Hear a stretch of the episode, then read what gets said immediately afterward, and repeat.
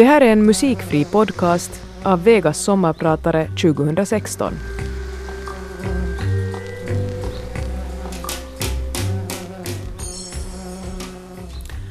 It was an early morning in the beginning of autumn 2014.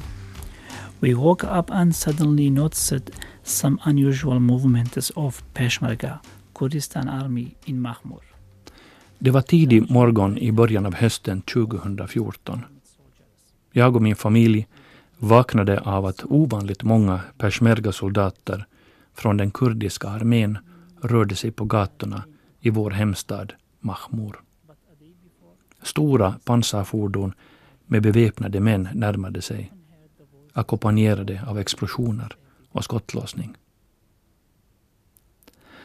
Snart förstod vi att Daesh höll på att inta vår stad. Dagen innan hade de varit på 60 kilometers avstånd och vi kunde höra bomber detonera. Natten var orolig. In that morning, me, my wife and my three Den morgonen packade jag, min fru och våra tre barn ner lite kläder i små väskor. Vi reste som om vi hade gjort en vanlig dagstur till en annan stad. Men vi tog med oss alla pengar vi hade.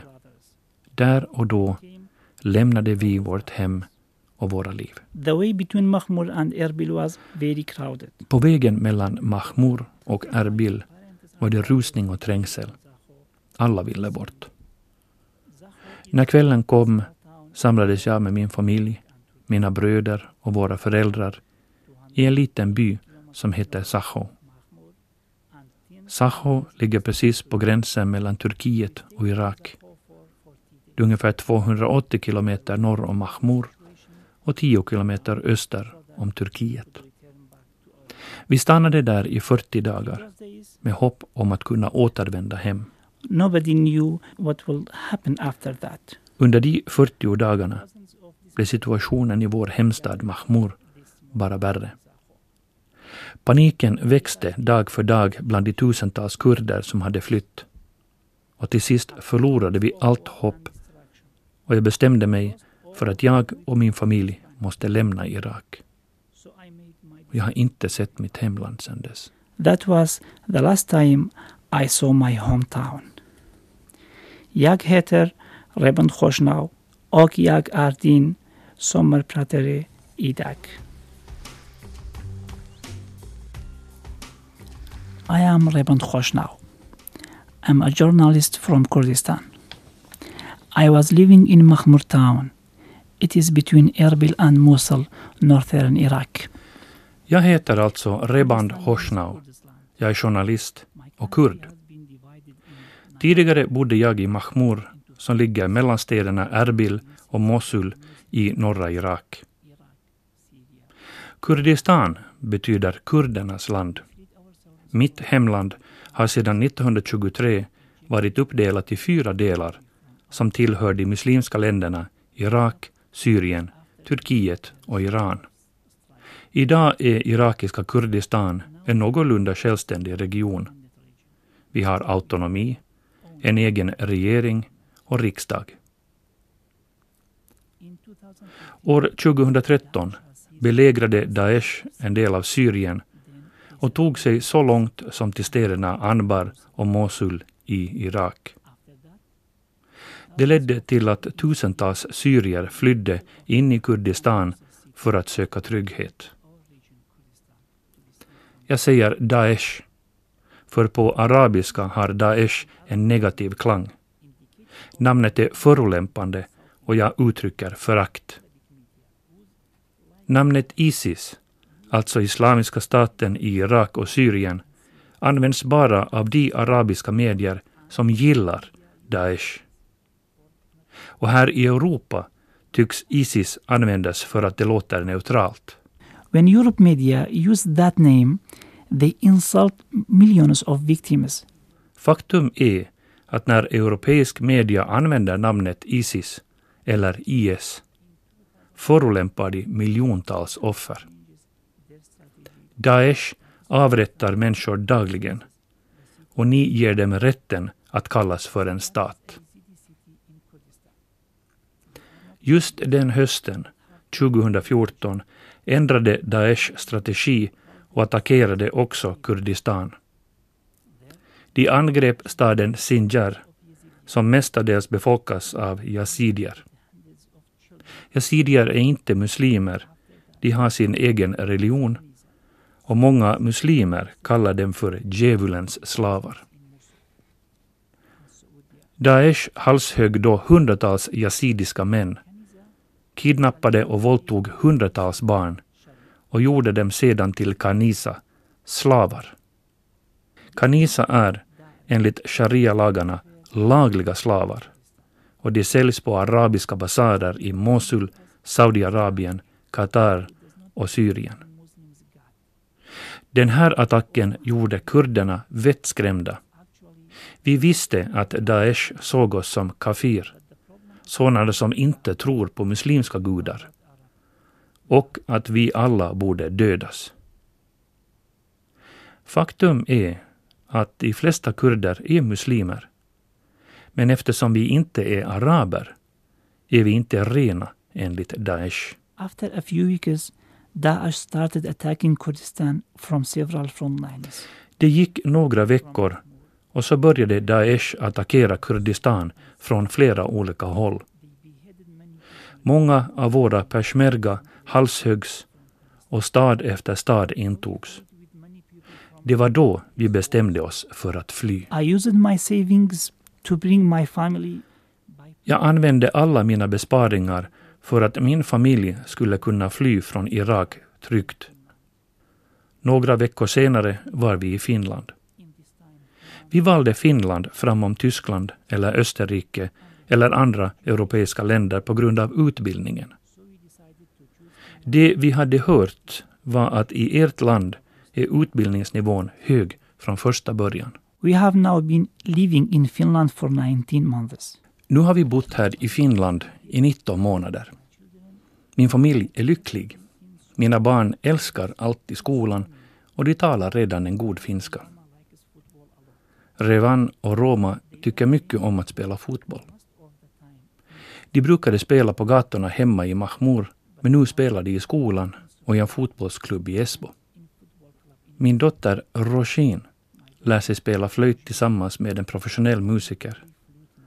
Hon heter Åsa Maria Gustafsson och hon ger oss gratislektioner.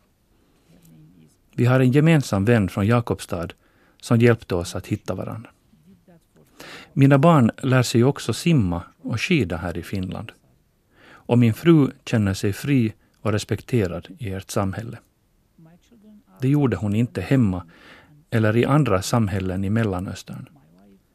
Speciellt för kvinnor ser livet rätt så annorlunda ut. Men våra första 13 månader i ert hemland Finland var alldeles utmattande för mig.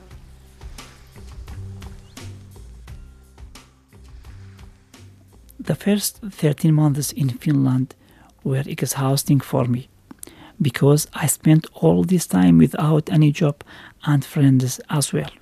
Under de första 13 månaderna i Finland levde jag utan vänner och utan jobb. Det var fullständigt utmattande. Jag lärde inte känna en enda finländsk person och det svåraste av allt var att känna sig värdelös hela tiden. Bara några veckor innan vi kom hit levde jag och min familj lyckliga. Jag jobbade hårt, men umgicks också mycket med både vänner och familj. And let me tell you that when we say family in my country, och låt mig förklara.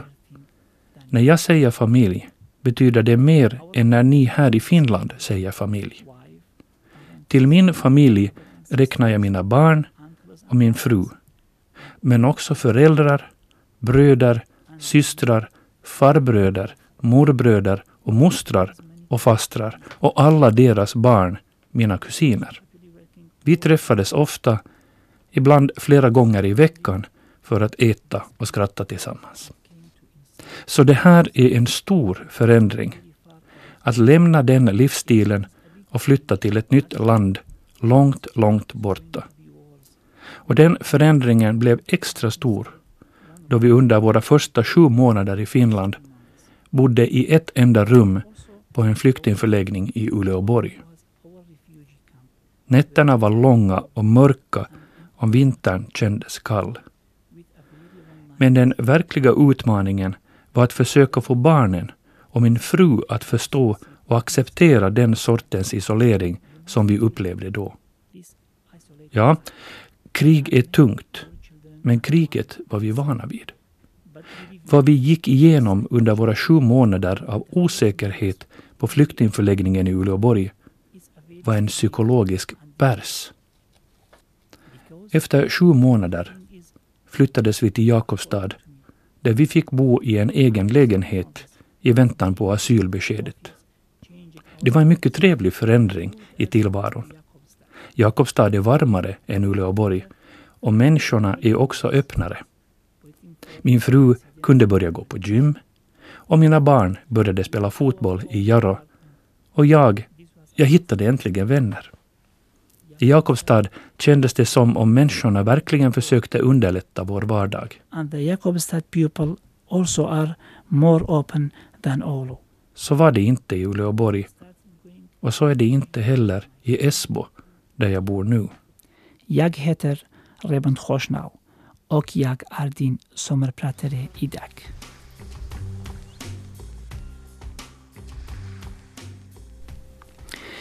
Last October in Jakobstad, i met a Finnish lady. Her name is Emma Westerlund. She is a photojournalist and photography teacher. I oktober i fjol, i Jakobstad, blev jag bekant med en kvinna som heter Emma Westerlund. Hon är fotojournalist och lärare i fotografering och hon frågade mig om jag hade lust att komma ut och träffa lite folk. Så efter 13 månader i Finland träffade jag för första gången några finländare och här är jag nu och talar till dig om hur det är att vara invandrare i ditt land. Your country. Efter 13 månader av mer eller mindre total isolering hade jag alltså turen att träffa någon som såg mig som jag är, inte en flykting, utan en verklig person. En journalist, precis som hon själv. Someone just like herself. Jag försöker inte göra mig själv till ett offer här. Men jag tror att det är viktigt att försöka beskriva det utanförskap som många av oss invandrare känner. Man blir snabbt en i mängden. En nobody. En invandrare bland tusentals andra invandrare. Själv är jag ju journalist och van vid att hitta sätt att kommunicera med andra. Det är liksom mitt jobb. Men hur ska det gå för majoriteten, de som inte talar annat än sitt modersmål? De som aldrig har gått i skola i sitt hemland? Och hur ska det gå för dem som aldrig har bott i en stad förut? Som kommer direkt från en by någonstans ute på landsbygden? Hur ska de klara av att bryta sin egen isolering? Att komma ut ur sin bubbla här i Finland? Soon I will tell you my thoughts about why integration is so difficult in Finland. Snart ska jag dela med mig av några tankar kring varför integration är så svårt i Finland.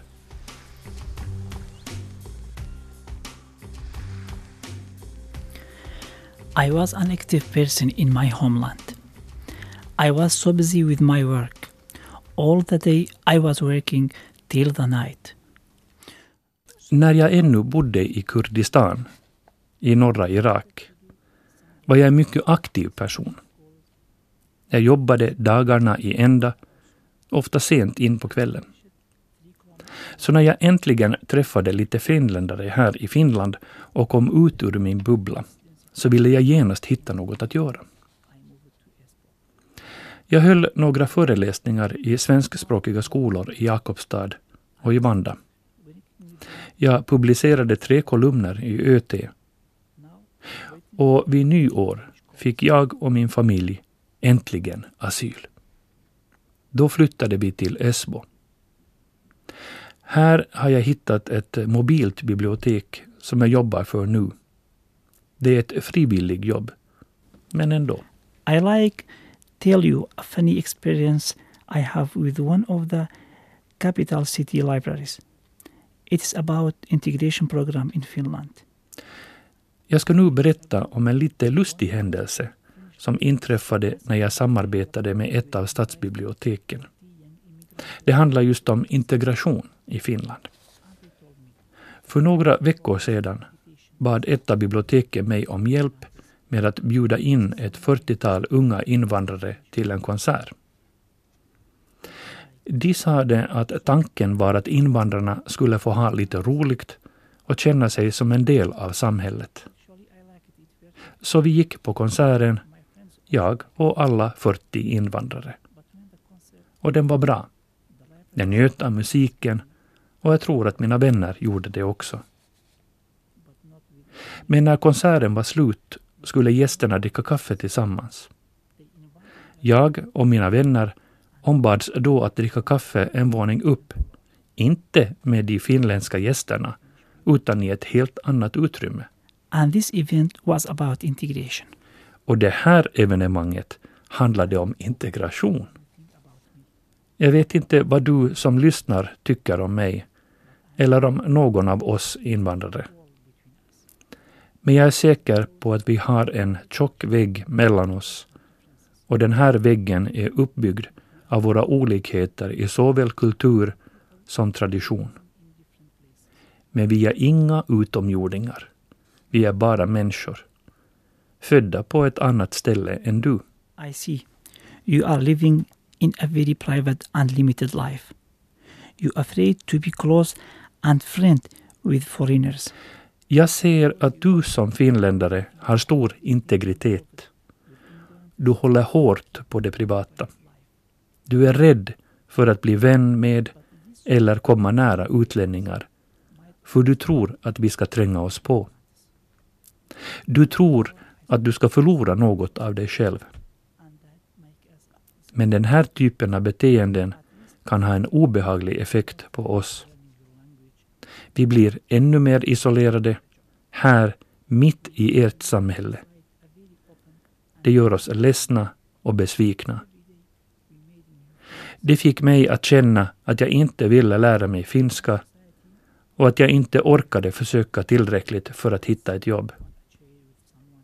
Vårt eget samhälle var öppet och enkelt. Vi är inte rädda för nya människor. Det var lätt att få vänner och vi fick nya vänner varje dag. I min hemstad kunde man sätta sig på ett café och tala med en främling utan att vara rädd. Det var inte ovanligt att man sedan gick hem till sin nya vän, blev bjuden på lunch eller en drink bara för att tala och lyssna. There is no need to have mutual friends or meetings planned. Det krävdes inga gemensamma vänner eller inbokade möten för sådant. I min hemstad.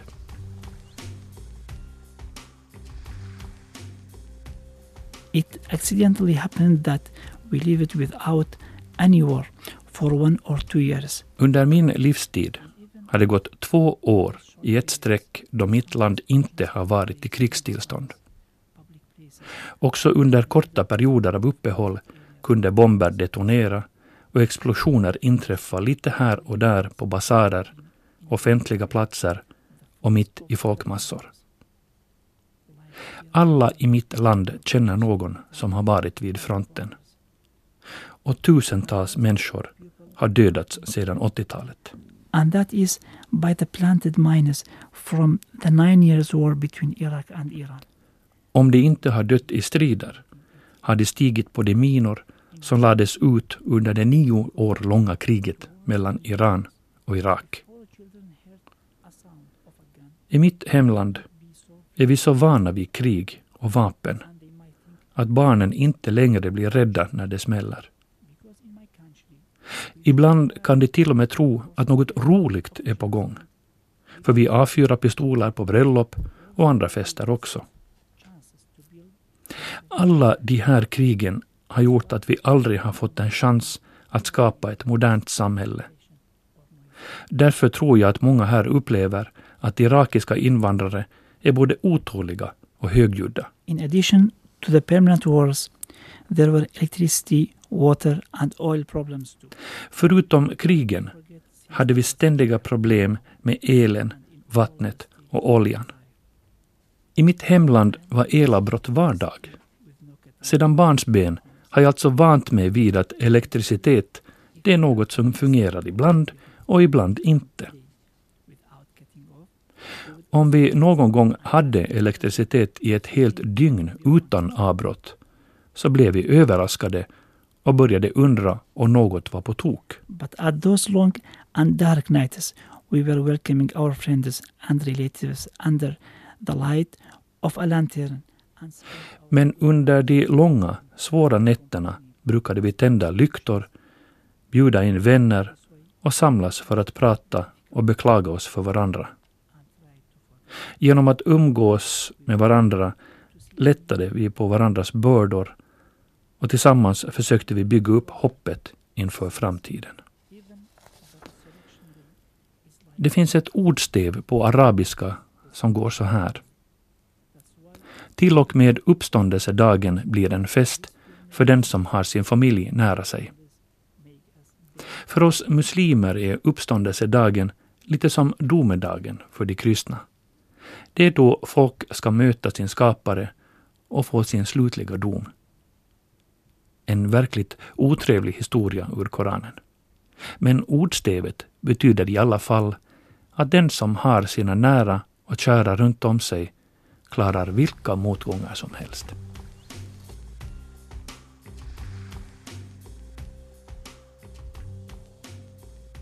When I lived in my home country, I lived in my normal context with my own family, my own tradition and culture. När jag bodde i mitt hemland levde jag ett för mig normalt liv. Med min familj, med våra traditioner och vår kultur. När jag lämnade mitt hemland klippte jag banden till mina rötter, mina traditioner och mina värderingar. Det har förändrat mig som människa. Jag har hemlängtan och känner mig ledsen och söndrig nästan varje dag. Jag saknar allt med mitt hemland, inte bara de lyckliga stunderna.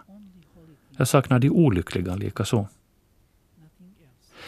Det finns egentligen bara en sak som är helig för mig och det är hemmet. Och med hemmet menar jag min mamma, min familj, mina vänner och alla minnen. Arvet från mina förfäder. Jag tror att mina barn kommer att växa upp här. De vill stanna i Finland. De vill leva och bli precis som andra finska barn. Men jag, jag kommer att återvända till Kurdistan, till mina rötter. My name is Raymond Khoshnau and I have been your summer speaker today. Jag heter Reband Hochschnau och jag har varit din sommarpratare idag. And I will end this summer speech by quoting the Kurdish novelist Shehzad Hassan. Jag vill avsluta mitt sommarprat med att citera den kurdiska författaren Shirzad Hassan. We are the creatures that living in a book. If you take us out from there, we will die. Vi är varelser som bor i ett träsk. Tar du upp oss ur det träsket kommer vi att dö.